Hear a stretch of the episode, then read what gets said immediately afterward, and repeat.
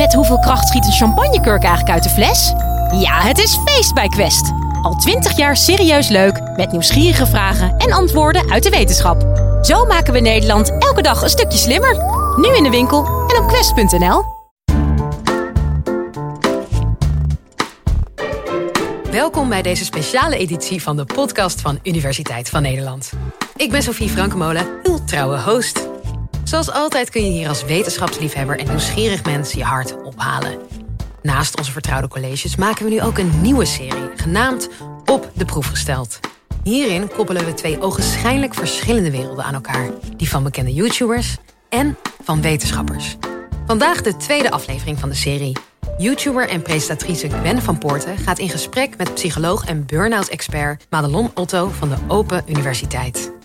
Gwen kun je kennen als voormalig presentatrice van BNN of van haar podcast en YouTube-serie waarin ze in levensvragen duikt. Op haar 21ste kreeg ze een burn-out, waarna ze besloot bewust na te gaan denken over wat haar geest en lijf gezond houdt. Madelon is onderzoeker en psycholoog en doet onderzoek naar burn-out. Samen bespreken ze wat het verschil is tussen burn-out in de wetenschap en burn-out in de volksmond, of iedereen het kan krijgen, hoe je het kan voorkomen en nog veel meer. We gaan beginnen, dus geniet van deze special.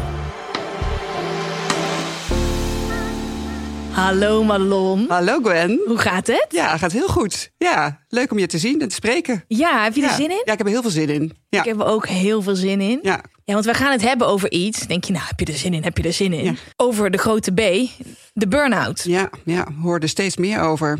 Actueler dan ooit, denk ik. Ja, maar ik kom straks nog wel terug eh, hoe actueel eh, het is en of het ook al langer eh, bestaat. Ja, we gaan er helemaal induiken. Misschien is het handig om even te starten met waarom ik zo graag met jou in gesprek wil gaan. Ja.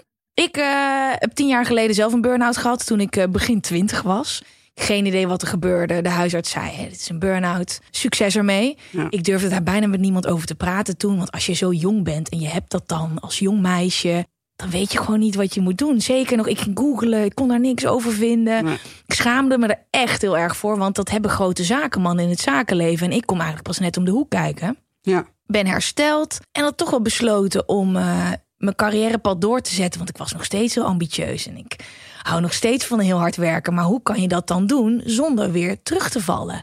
Ehm, dus ik ben eigenlijk een beetje verslaafd geraakt aan tools verzamelen om zo lekker en leuk mogelijk te leven. heb ik heel lang op de achtergrond gedaan. ja. Ehm, heel veel programma's gemaakt op tv. Van alles, van reisprogramma's tot eh, spuiten en slikken aan toe. En pas sinds anderhalf jaar ben ik openlijk hierover gaan praten. Omdat ik merkte dat mensen het heel interessant vinden. Van, Ja. oh, je hebt toch wel eens een burn-out gehad? Vertel eens. Oh, je mediteert. Dus mijn interesse is alleen nog maar meer aangewakkerd. En ik ben er nu ook echt voor de camera meer mee bezig. Maar dit is voor mij al een zoektocht van tien jaar. En ik snap nog steeds een hele hoop niet. Want wat is dat nou, zo'n burn-out? Wat moet je daarmee? Heb je het in de hand? Ehm, en ik zit hier tegenover jou. Ja. Dit is jouw specialiteit, toch? ja, ik ben eh, docent en onderzoeker bij de Open Universiteit. Als onderzoeker ben ik bezig met een promotieonderzoek naar eh, proactief gedrag van werknemers ter preventie van burn-out. En waarom burn-out? Ja, waarom burn-out? Ik heb in mijn verleden eh, heb ik gewerkt als HR-manager en eh, arbeids- en organisatieadviseur bij een arbo-organisatie. En toen was ik met name bezig vanuit de werkgeverkant van hoe kun je psychisch verzuim voorkomen. En dan met name ook stress en burn-out. En wat ik me altijd heel erg afvroeg, ik had het idee dat ik als werkgever of als, als, als adviseur heel erg veel tools aanbood eh, voor een werknemer om een burn-out te voorkomen. En eh, toch lukte het dan niet. Dus ik vroeg me heel erg af van, eh, is er dan wellicht iets wat die werkgever, wat die werknemer zelf kan doen om een burn-out te voorkomen? Dus vandaar ja, dat ik heel erg bezig, of benieuwd was naar die insteek en, en, en meer kennis ook daarover wilde vergaren. Mooi. Ja. Ehm, laten we eventjes bij het begin beginnen. Wat is dat nou, zo'n burn-out? Ja, daar eh, het wordt natuurlijk heel veel geroepen. Hè. Je leest het overal van uh, burn-out eh, is weer gestegen. En eh wordt ook heel vaak mensen zeggen: Oh, ik heb zoveel stress. Ik heb, ik heb waarschijnlijk wel een burn-out. en daar moet je denk ik wel een beetje voorzichtig mee zijn. Want je hebt, uh, je hebt spanning. Hè? Iedereen heeft wel te maken met, met spanning. En dat kan uh, positieve spanning zijn. Als je, als je het leuk vindt om iets nieuws te gaan doen, bijvoorbeeld. Of je vindt het spannend dat je gaat trouwen, om maar iets te noemen. Uh, of je vindt het spannend dat je tentamen hebt. En dat is eigenlijk allemaal positieve spanning die je helpt eigenlijk om tot een goede prestatie te komen. Als je het dan hebt over tentamens. Dus dat is, dat is positieve spanning. En hebben we nodig. Die hebben we nodig. Maar je hebt ook negatieve spanning. Hè, wat dan echt uitmondt in stress. Waar je je lichamelijk ook uh, vervelend gaat voelen. Dat je pijn in je buik krijgt. Of sommige mensen krijgen er hoofdpijn van. En dat kan tijdelijk zijn. Maar als het maar doorgaat. Dus als je niet meer een manier vindt om daarmee uh, goed om te gaan. Hè, of dat je bijvoorbeeld denkt van oké, ik heb nu dat tentamen en daarna is het afgelopen en ben ik klaar. Dus als je bijvoorbeeld chronisch last heeft van die stress. Want je blijft maar faalangstig bijvoorbeeld. Omdat je echt denkt van oh, ik haal het niet. Of... -hmm in je werk uh, dat je zoveel dingen moet doen en dat je eigenlijk geen uitweg meer ziet op een gegeven moment uh, in, in, in wat er moet gebeuren, dan kan het leiden tot dat je heel erg lang, en dan praten we echt over maanden, lang uh, last hebt van, van, van burn-out klachten, wat, wat er wordt genoemd. Dan heb je het over vermoeidheid. En dan heb je het over dat je, het, dat je emotioneler wordt. Hè? Dat je bijvoorbeeld heel botkend gaat reageren op je omgeving. Ja. Dat je fouten gaat maken. Dat soort zaken. Als dat echt uh, tot een punt komt dat je echt niet meer kan. Dat je echt zegt van nou, uh, ik ben klaar. Dan heb je het echt over een burn-out. Maar dan heb je eigenlijk al, als je kijkt naar um, wat ook in onderzoek wordt gezegd, een burn-out heb je echt een ernstige mate van burn-out klachten. Fysieke en psychische klachten. Ja. Ik weet niet of jij dat herkent. Nou, ik ben helemaal even terug, uh, terug naar toen. Ik kan al die boxjes wel aantikken hoor. Ja. Het begon echt met onrust heel erg veel op mijn telefoon zitten, uh, zoeken naar bevestiging, niet meer terug kunnen schakelen. En ik sliep heel slecht, onwijs veel rugpijn. Ja.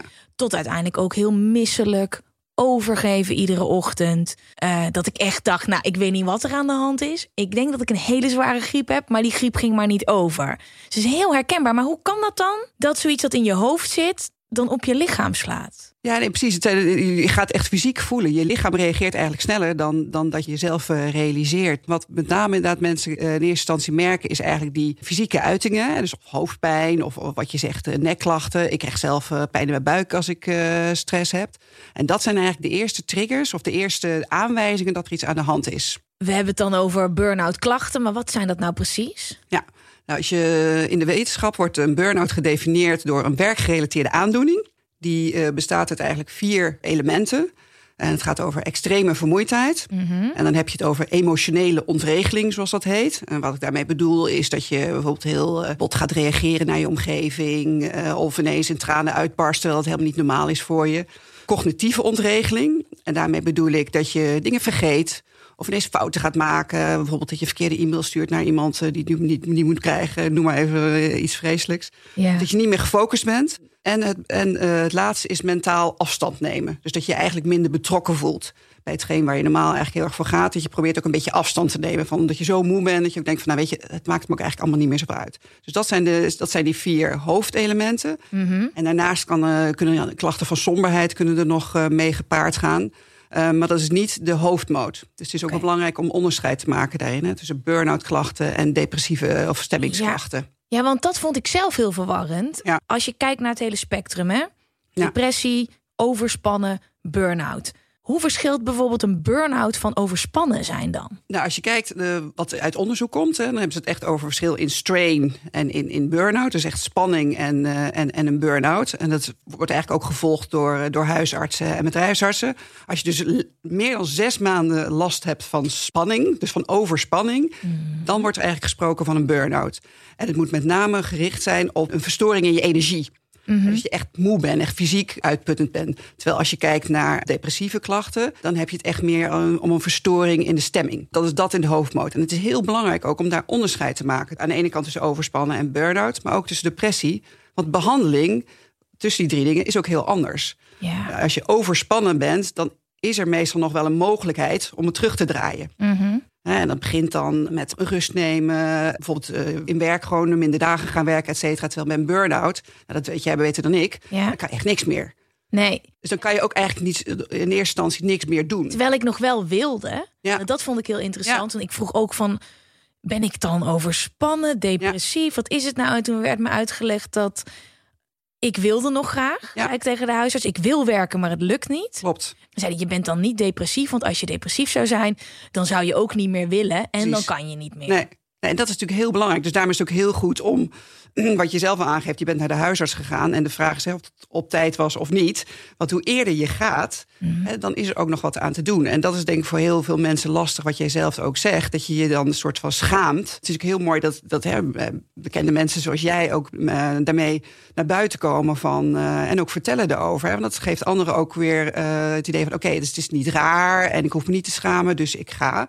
Ja, het is heel belangrijk dat je met iemand in gesprek gaat. En dat je weet wat er nou precies aan de hand is. Absoluut. Maar je kan er niet omheen. Het is overal. Je ziet het overal. Je leest het voor Ja. jongeren, maar nu ook in deze tijden van veel thuiswerken. Ja. Ook gewoon een druk van de buitenwereld, veel onzekerheid. Burn-out is overal. Maar is dit iets van nu, van deze tijd? Want eerlijk, 50 jaar geleden, daar hoorde je niks over burn-out. nee, nee, dat is inderdaad, eh, dat lijkt inderdaad zo, hè? Want je ziet het nu inderdaad overal. En die leest ook eh, elke jaar zo ongeveer in de krant van nou, een burn-out percentage is gestegen. 1 op de zes werknemers heeft last van een burn-out. Eh 25% van de studenten heeft last van een burn-out. Eh, dat kun je wel wat nuanceren, eh, ten eerste. Want eh, als er bijvoorbeeld vorig jaar in de krant stond van 1 op de 7 mensen heeft een burn-out, dan gaat het eigenlijk over als je kijkt naar de vraag die is gesteld van heeft u wel eens last van extreme vermoeidheid. En dan als mensen dan één keer in de maand hadden ingevuld, dan, was dat, dan werd het eigenlijk al eh, onder burn-out klachten eh, geschaard. Dus dat is al iets. Ja, burn-out klacht is natuurlijk nog iets heel anders dan de definitie van Precies. de burn-out daadwerkelijk hebben. Precies. Oh, ja. Dus dat is, dat is één. En aan de andere kant, hè, je, je vraagt van, was het er eigenlijk altijd al? En als ik dan eh, vanuit onderzoek, wat we dan ook zien, is dat het eigenlijk te maken heeft met ja, de verandering in de maatschappij. Dus wat we nu natuurlijk zien, is een hele snelle overgang, die digitalisering. Hè. Eh, iedereen heeft een smartphone, 24-7 bereikbaar. Je wil op Instagram, je wil op eh, YouTube, je wil een podcast maken, van alles en nog wat. En iedereen wil overal ook bij zijn en alles weten. Eh, maar het gaat eigenlijk sneller dan ons brein aan kan. Dus de omgeving in, eh, in, in technologie gaat eigenlijk sneller dan wij veranderen als mens. En dat is nu zo. Maar als je dan kijkt, kan een hele goede vergelijking worden getrokken met wat er gebeurde in de industriële revolutie. Toen had je ook ineens eh, dat er, er kwam eh, een tram, er kwam een telefoon. En ook toen hadden ze mensen eigenlijk al te maken met, eh, met een soort van overspannenheid. En dat noemden ze toen neurasthenie. Bekte iets minder lekker. Bekte iets minder lekker, maar dat was een soort zenuwinzinking, eh maakten mensen daarvan. Maar eigenlijk ging dat om dezelfde grote verandering in de, in de maatschappij, waarvan mensen dus ineens veel meer prikkels krijgen. Ehm, zijn ze daar toen overheen gegroeid? Hebben we dat in ons systeem gekregen? Zijn we daaraan gewend? En konden we in één keer sneller en harder gaan? Gaat dat nu dan ook gebeuren? Gaan die burn-out klachten uiteindelijk verdwijnen en gaan we gewoon wennen aan deze tijd? Nou, het slechte nieuws is, het blijft. maar het goede nieuws is, we kunnen er wel wat aan doen. Maar het is wel zo, de omgeving verandert zo snel. Wij zullen ons heel snel daar ook moeten aanpassen. En om daarmee tred te houden, zullen we altijd wel een beetje erachteraan lopen. Het heeft ook gewoon te maken met hoe wij evolu- evolutionair in elkaar zitten. We kunnen gewoon niet zoveel prikkels eh, verwerken. Dus we zullen zelf, wat jij zelf ook zegt, eh, je, grenzen heel duidelijk aangeven. Wat je ook ziet, ik zat toevallig, eh, vorige week las ik een onderzoek over je grenzen stellen aan ICT, aan de technologie. En je ziet dat mensen die goed zijn in de grenzen aangeven in technologie, die hebben minder last van burn-out klachten dan mensen die dat niet kunnen. Ja. Dus mensen die echt de, de 24-7 een telefoon hebben aanstaan en bij elke ping meteen kijken, die hebben meer last van. Die zijn ook meer gevoelig voor dit soort klachten dan eh, die mensen die makkelijker even uit kunnen zetten. Maar zijn mensen daarin ook verschillend? En kan iedereen een burn-out krijgen? Mensen zijn daar zeker verschillend in. Je ziet heel duidelijk dat er bepaalde persoonlijkheidstrekken ook eh, eh, gerelateerd zijn aan, aan meer of minder kans op een burn-out krijgen. En juist bijvoorbeeld mensen die heel consciëntieus zijn en perfectionistisch zijn, eh, die hebben een grotere kans. Maar ik ben absoluut van overtuigd dat iedereen het kan krijgen. Ja? Ik zei in het begin, de definitie van het is een werkgerelateerde aandoening, zoals het de wetenschap het definieert.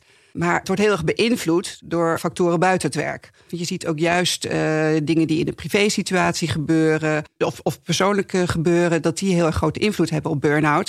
Er zijn omstandigheden, denk ik, waarop iedereen gewoon gevoelig is voor een burn-out. Zelfs die mensen die dus zeggen... laat mijn telefoon lekker gewoon 24-7 aanstaan. Mijn baas mag mij wakker bellen om drie uur s'nachts. Die mensen die aan de buitenkant lijkt het in ieder geval zo... dat kunnen handelen. Ja, Zelfs die mensen... ja maar goed, dus even, hè, als Ja. ik kijk naar de persoonlijkheid en wat er uit onderzoek, dan, dan denk ik dat, het, dat, het, dat, het, dat, het niet, eh, dat je niet zo kan zeggen van, oh, ik krijg dat niet. Waar het met name wel te maken mee heeft, is eh, in hoeverre je eh, je bewust bent van dat je het risico loopt. Mhm. Dat is denk ik een hele belangrijke. En dat zie ik ook uit mijn eigen onderzoek. Eh, In mijn eerste onderzoek heb ik, eh, eh, wat ik heel erg duidelijk zag, is heb ik ook mensen geïnterviewd die met een hoge mate van spanning te maken hadden. En het bleek dat een aantal gewoon eigenlijk niet het zelfinzicht had, of, of eigenlijk niet het idee had dat ze het risico liepen op een burn-out. En als je dan in de literatuur duikt, duikt, dan zie je dat juist die mensen die proberen dus elke avond te herstellen van de, van de stress die ze die dag hebben gehad, op lange termijn dat niet meer volhouden. Dus het is alert zijn in je eigen leven. Het is met name alert. En, ook heel veel mensen zijn geneigd om door te gaan met de waan van de dag. Eh, maar sta ook gewoon stil bij eh, waar krijg ik energie van en wat Mhm. kost mij energie. Ik vergelijk het ook heel vaak met, eh, met een soort, soort Duracell-batterij. dat, je, dat je ziet van het konijn dat loopt maar door en dat heeft heel veel energie. Eh, maar de, de, langzamerhand loopt dat leeg door, je werk of door je studie of, of wat dan ook. En dus moet je weer dingen zoeken waardoor je weer kunt opladen. En als je dus niet weet waar je eh, energie van verliest en waar je door oplaadt, dan kan het op een gegeven moment zijn dat je gewoon eigenlijk alleen maar leeg loopt. Eh, en op het moment het ook niet meer kunt resetten en niet meer goed kan krijgen. Hoe kan je het dan voorkomen? Kan je het voorkomen om uiteindelijk uitgeschakeld te worden door een burn-out?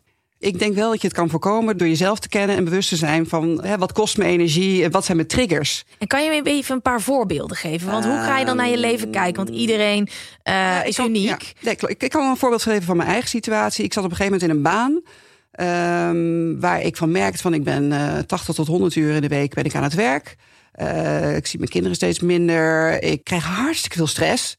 Dus elke avond eh, thuis dat ik denk van oh, maar ik moet dit en dit, en dit, dit doen. En op een gegeven moment dacht ik echt van ja, waar ben ik eigenlijk mee bezig? En dan had ik natuurlijk lekker door kunnen gaan, want ik had een financiële zekerheid. Eh, iedereen was tevreden over wat ik deed.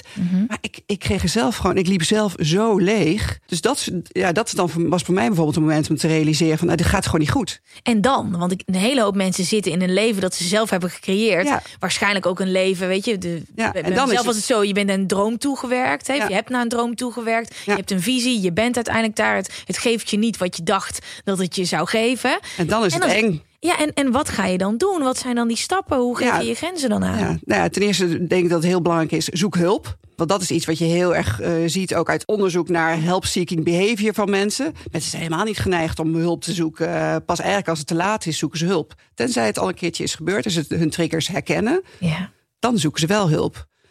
Maar waarom zoeken mensen niet hulp? Precies om de dingen die je aangeeft. Van ja, dat past niet bij mij en ik moet het toch kunnen. En eh, ik schaam me ervoor. En, eh, maar zoek hulp. Want En hoe begin je dan met hulp zoeken? Want waar ben Ja. je dan naar op zoek? Is dat een psycholoog, een psychiater, een coach? En waar Ja. begin je dan? Is dat het internet? Is Ja. dat om je heen? nou ja, het hangt ook een beetje vanaf. Hè. eh, je situatie. Hè. Zit je in de werksituatie? Ben je ZZP'er? Ben je student? Hangt natuurlijk heel veel af. In bijna alle huisartsenpraktijken heb je tegenwoordig een praktijkondersteuner, zoals dat heet. Ja. En die heeft een opleiding tot, tot in ieder geval tot basispsycholoog. Dus daar kun je altijd hulp vragen. En die kan je ook heel duidelijk doorverwijzen naar iemand die je nodig hebt. Fijn. Bijvoorbeeld in mijn situatie had ik eigenlijk iemand nodig. eh, een soort jobcounseling. Van ik zit nu niet goed. eh, wie kan me daar helpen? En soms kan je al bij een psycholoog terecht. eh, en als je in een werksituatie zit, is er altijd de mogelijkheid om preventief naar een bedrijfsartsenspreekuur te gaan. En schroom daar ook niet. Hè? Ook al werk je nog en ben je nog helemaal niet ziek, doe dat gewoon ook. want daarvoor zijn die mensen er. Ja. En die zijn erin opgeleid om jou te helpen. Ja, en als ik dat mag aanvullen met. Laat je vooral niet ontmoedigen als je met iemand gaat praten waar je geen klik mee hebt de Nee. allereerste keer. Want er zijn zoveel mensen waar je bij terecht Ja, kan. absoluut. En het is zo zonde als je met iemand praat waarvan je denkt, ja, je hebt echt geen idee wat voor Ja. persoon ik ben. Nee, Ga absoluut. gewoon door. Ja, absoluut. En eh, zeker ook want Met zoeken, niet Ja. met, met ons gesprek. ik ben zelf psycholoog. Als mensen geen klik hebben met mij, ja, dat kan natuurlijk. Ja. Dus je moet gewoon echt zorgen dat je een goede klik hebt. eh. Dan hebben we een coach of een psycholoog te pakken. En dan, waar kan je nog meer alert op zijn in je omgeving? En wat is dan de volgende stap? Eh, ja, dat is natuurlijk, hangt natuurlijk helemaal af van de situatie waar je in zit. Ja, nogmaals, als je in een werksituatie zit waar je je niet lekker eh, voelt, dan zou je inderdaad met, een- met een jobcoach kunnen kijken van hè, wat zijn dan wel de dingen, eh, wat zou beter bij me passen. En dat zie je ook uit onderzoek dat mensen blijven hangen in een werksituatie omdat ze de zekerheid daar hebben. Wat natuurlijk ook logisch is, want het is heel spannend om iets nieuws te gaan doen. En, en zodra mensen dan die stap nemen, ja, dan, dan, dan gaat het al gewoon. En daar hebben ze dan wel hulp bij nodig door inderdaad een jobcoach of iets dergelijks die ze helpt naar, in de goede richting. Ik vraag me heel erg af wat er de afgelopen jaren is gebeurd... waardoor wij het normaal vinden dat onze baas ons om tien uur 's avonds nog een WhatsApp-berichtje kan sturen. Ik weet nog dat ik vroeger een vriendinnetje wilde bellen om acht uur of negen uur 's avonds... en dat mijn ouders zeiden nee, het is nu te laat, je gaat niet meer naar de huistelefoon bellen... dit is allemaal weg. Die Ja. grenzen zijn weg. Ja. We proberen met elkaar te werken via Instagram, WhatsApp, mailbox, bellen. Die grenzen zijn verdwenen. Ja, Hoe kan dat? Ja, dat lijkt er inderdaad wel op. Wat je nu ook steeds meer ziet, is dat werkgevers daar ook wel paal en perk aan gaan stellen. Omdat gewoon eh, blijkt dat hoe meer mensen bereikbaar zijn of moeten be- bereikbaar zijn, dan neemt het verzuim ook toe. De stress neemt toe en het verzuim neemt ook toe. En dat is toch echt wel iets wat we met elkaar moeten doen. Hè? Als, als, als leidinggevende moet je een voorbeeldfunctie geven en niet je, je werknemers nog na zes uur gaan mailen. Nee. Want dan denken zij van, oh shit, ik moet eh, een mailtje terugsturen, want anders dan gaat mijn carrière misschien niet meer goed. Maar kan je dat dan ook aangeven? Dus als dat Tuurlijk niet kan je zo dat is. aangeven. Ja. Eh, en dat is natuurlijk, maar dat is natuurlijk best wel lastig. Hè. Mhm. Ik bedoel, ik weet zelf nog wel, eh, toen ik net bij een eh, organisatie werkte. En als ik dan eh, moest, moest overwerken, dat deed ik gewoon. als ik had gemerkt dat ik daar stress van had gekregen, dan was ik waarschijnlijk daar op een gegeven moment weggegaan. En niet dat ik dan zeg van je moet het accepteren. Maar Mhm. wat wel heel belangrijk is, is dat, dat er een match is. Hè, tussen, tussen wat jij wil en wat je werkgever wil. Wat ik net al aangaf, mensen die beter hun grenzen aangeven, hebben ook minder last van dit soort burn-out klachten. Dus als je dat eh, eh, als, als leidraad neemt, dan zou ik ook gewoon zeggen dat het niet acceptabel is. En ja, als leidinggevende zelf, als iemand als een werknemer tegen mij zegt van eh, ik, dat, dat kan niet of dat, dat wil ik niet, ja, dan zou ik alleen maar zeggen van goh, wat goed dat je dat zegt. En ik denk dat we daar naartoe moeten, dat, dat werknemers die zich kwetsbaar durven opstellen, dat je die dus ook erkent. En dat is natuurlijk de, de verantwoordelijkheid van de werkgever om een veilige omgeving te creëren, Mhm. hè, waarin de, de werknemer zich ook gehoord voelt. En dat je dus inderdaad de, de dingen die je net noemt, dat je dat gewoon ook durft te zeggen tegen die leidinggevende. En wat is een basis van die veilige omgeving dan die de werkgever kan creëren? Nou, ik denk dat de leidinggevende dus ook aan jou af en toe moet vragen: van, hoe is het eigenlijk met je? Hè, en wat, wat, wat, eh, wat werkt voor jou wel en wat werkt voor jou niet? Waar heb jij behoefte aan? Vroeger was het de baas vertelde en de werknemer deed. Nou, we zijn nu veel meer naar eh, wat je dan noemt eh, transformationeel leiderschap gegaan. En eh, dan zie je ook dat dat tweegesprek er veel meer is. En dat werkt ook veel beter. De productiviteit van mensen gaat omhoog. De prestaties van de mensen gaat omhoog. En als dat de set is, hè, die werkgever die heeft alles gedaan. Je zei dat is niet genoeg. We merken dat het niet genoeg is als Klopt. een werkgever zich eh, openstelt en in gesprek gaat. Het ligt Nee. toch echt bij jouzelf. Nou, een deel wel. In die zin dat eh, ik kan niet van de buitenkant zien wat er in je hoofd gaat. Ik weet niet wat, er, wat jouw thuissituatie is. Ik weet niet of je stress hebt met je kinderen of iets dergelijks. Dat weet ik niet. Dus eh, als een werknemer dat aan de werkgever aangeeft... Ja. dan kan de werkgever daar wat mee doen. Hè? Ja, een stukje kwetsbaarheid wel, hè? Ja, en dat is het. En dat is natuurlijk heel, en dat vinden we met z'n allen heel moeilijk. Hè. Dat blijkt ook uit onderzoek eh, dat, je, dat je ziet eh, van ja, je kwetsbaar opstellen. En dan komt ook weer die schaamte om de hoek. Eh, terwijl achter elk huisje zit een kruisje. Ja. En ik denk dat mensen zich dat ook moeten gaan, eh, gaan realiseren. Eh, eh, iedereen heeft zijn kwetsbaarheden. En hoe fijn is het als je dat bij andere mensen hoort? Ja. Hè, dat eh, is ook eh, onderzoek naar de kwetsbaarheid. En dat geeft ook kracht. Hè, dat kracht, geeft kracht aan jezelf en dat geeft kracht ook aan anderen. Want je helpt anderen ook door jij, doordat jij je kwetsbaar opstelt. Wat jij zelf ook doet. Hè. Je vertelt zelf over je burn-out. Mensen vinden dat fijn om te horen van jou. Ik denk van, oh, eh, zij heeft het ook. Dus ik kan er met iemand, oh, je kan erover praten. En het is dus niet meer een zwakte. En Nee. daardoor ben ik juist in mijn kracht gaan staan. eh. 100 procent. Juist als je over dingen gaat praten, Ja, merk je dat je helemaal niet alleen bent. nee. Alleen als je dat dan dus met je werkgever gaat doen, kan ik me heel goed voorstellen dat je denkt: denkt hij niet dat ik nu zwakker ben? Ja. Ik Nou kan ja. heel goed begrijpen dat dat in je hoofd zit, maar het tegendeel is dus waar. Absoluut, absoluut. Want de, de- dan kan er dus actie worden ondernomen. Het is alleen maar fijn om dat te weten. Want hoe beter je elkaar kent, Mhm. hoe beter je ook kunt inspelen. Het is niet zo dat de werknemer, hè, dat de hele verantwoordelijkheid dan bij de werknemer ligt. Hè, of, of, of, bij, eh, of bij een student of weet ik veel wat. Want zo is het ook niet. De, de omgeving moet, moet ook wel zo gecreëerd zijn dat je, dat, dat je je veilig genoeg voelt. Wat bijvoorbeeld heel belangrijk is eh, voor, eh, voor het voorkomen van een burn-out is dat je regelmogelijkheden hebt. Dus dat je zelf het gevoel hebt in de lead te zijn. Hoe meer mensen autonomie hebben, hoe meer mensen controle krijgen ook van, eh, van hun leidinggevende, hoe beter ze zich voelen. Je moet ook het vertrouwen krijgen van, van iemand. en hoe meer je dat krijgt, hoe meer je ook, ja, hoe, hoe minder last je ook hebt van burn-out klachten. Zijn er nog meer dingen die wij zelf in de hand hebben? Zeker mediteren bijvoorbeeld of andere ontspanningsoefeningen. Heel belangrijk. Dat kan je natuurlijk eigenlijk dagelijks doen. Ook preventief. Dus dat je echt actief elke dag even een momentje neemt eh, om bijvoorbeeld de dag af te sluiten. Of, of juist aan het begin om de dag te openen. Even een momentje voor jezelf dat je nog niks hoeft. Bewegen. Heel simpel. En bedoel, je hoeft echt niet meteen een marathon te gaan lopen. Uit elk onderzoek komt fysieke activiteit uh, is heel beschermend voor, uh, voor burn-out klachten. Nou ja, zorg voor je psychische gezondheid. Uh, en dat heeft ja, inderdaad, je hoeft niet allemaal meteen aan de yoga, aan de mediteren te gaan. Maar dat kan ook te maken hebben met dat je, dat je iemand hebt waarbij je stoom kunt afblazen, om het zo maar te zeggen. Dus zorgen dat je, ja, dat je zowel fysiek als psychisch gezond bent. Uit je hoofd, ja, in je lichaam. Ja je leven onder ja. de loep nemen. Dus kijken wat je nodig hebt. Je had het in het begin uh, over ja. dat batterijtje. Hè? Hoe gaat die op? Um, ja. Hoe gaat die vol? Wat, wat geeft me energie? Uh, wat zuigt energie? Kan je daar nog wat meer advies over geven? Ja, dat, dat klinkt inderdaad misschien wel wat veverig. Wat ik zelf bijvoorbeeld een tijdje heb gedaan, dat klinkt heel suf misschien, is gewoon een schriftje. Dan schreef ik gewoon aan de ene kant van, uh, van het boekje schreef ik dingen die me energie krijgen. En dan hield ik dat bij. Aan de andere kant in dingen die me energie kosten. Elke keer als ik dacht van, wat bijvoorbeeld een hele saaie vergadering dacht oh, dit vind ik zo'n energy drain. Ik wil niet elke dag uh, drie uur in de vergadering zitten. Dat soort simpele dingen. Of dingen die me energie geven. Uurtje fietsen per dag. Heerlijk. Als je dat gewoon een tijdje bijhoudt, dan weet je op een gegeven moment wat je, wat je energie geeft en wat je, wat je energie kost. En dan kan je dus ook kijken van wat doe ik eigenlijk op een dag? Mm -hmm. En met hoeveel procent ben ik eigenlijk wat bezig? Ben ik dan nog met de goede dingen bezig? Uh, en dan kan je ook wel eens gewoon voor jezelf denken: wat zou ik eigenlijk nou willen? En misschien niet meteen morgen, maar misschien over een tijdje. Ik ben absoluut van overtuigd. En dat blijkt ook uit onderzoek. Als je, als je echt doet wat je leuk vindt, waar je passie ligt, dan heb je minder last van stressklachten. Dan zit je lekkerder in je vel. En dan uh, krijg je alleen maar meer energie. Krijg je alleen maar meer energie. Dus het is een, een proces. Hoe leer je jezelf kennen? Schrijf gewoon eens ja, ik op. vind het heel interessant wat je zegt. Dat schriftje, dat bijhouden. En vooral ook als ik naar mijn eigen leven kijk, dat ik heel lang in de val ben gelopen. Omdat ik in eerste instantie dacht dat ik van iets energie kreeg. Zoals bijvoorbeeld na een lange werkweek lekker op de bank Netflixen en McDonald's bestellen.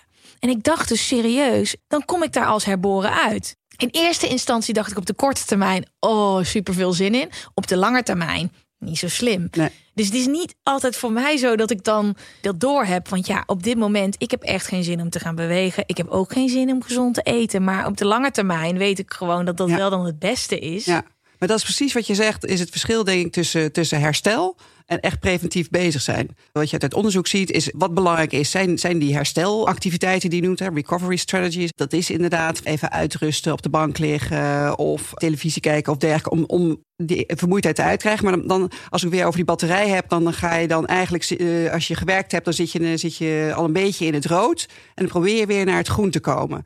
En als je preventief bezig bent, hè, wat, wat je zegt voor de lange termijn, van ik beweeg elke dag en eh, ik probeer een beetje gezond te eten, dan probeer je eigenlijk om gewoon niet in dat rood te komen. Ja, Dus als ik het goed begrijp, moeten we die burn-out heel erg serieus nemen. Ja. En beginnen bij onszelf. Kijk naar je eigen batterij. Waar krijg jij nou energie van? Waar ga je- gaat je batterijtje van leeg? Ja. En blijf daar altijd een beetje mee bezig. En ga vervolgens de dialoog aan met je werkgever. Maar dan moet je wel je eigen eisenpakket weten. Absoluut, absoluut. Want die werkgever die wil je vaak heel graag helpen, maar jij zal wel moeten aangeven hoe die jou het beste kan helpen. Maar ik weet, ben me er ook van bewust dat het niet bij iedereen hetzelfde werkt. Maar het is de moeite waard met al die tips en tools die jij net geeft om jezelf beter te leren kennen. Absoluut. Voordat het moment daar is dat je bij de huisarts zit en dat je niet meer kan. Ja, Dat je echt naar je leven gaat kijken met wauw, wat zijn er veel opties? Ja. Maar wat vind ik nou leuk? Wat vind ik leuk, maar helpt me eigenlijk niet echt? Ja. Wat brengt me iets? Dat je al de, de luxe hebt eigenlijk om die balans op te maken met alles wat je net hebt verteld. ja, Dat is zo mooi. ja, ja. En met name schroom niet om hulp te vragen. Stel je kwetsbaar op, want je krijgt er heel veel voor terug. Nou, ik denk niet dat er een betere afsluiter bestaat dan deze. Madelon, dank je wel Ja. voor je tijd en alle mooie tips en tools. Jij bedankt. En ehm superleuk om zo met jou daarover te praten. Hey, graag gedaan. Doei. Vond je dit een leuke en leerzame aflevering? Dat komt goed uit, want onze playlist staat vol met andere interessante wetenschapsvragen. En er komen er elke week twee bij. We vinden het superleuk als je je abonneert en als je een reactie achterlaat in jouw podcast-app. Mijn naam is Sophie Frankemolen. Dankjewel voor het luisteren en heel graag tot de volgende.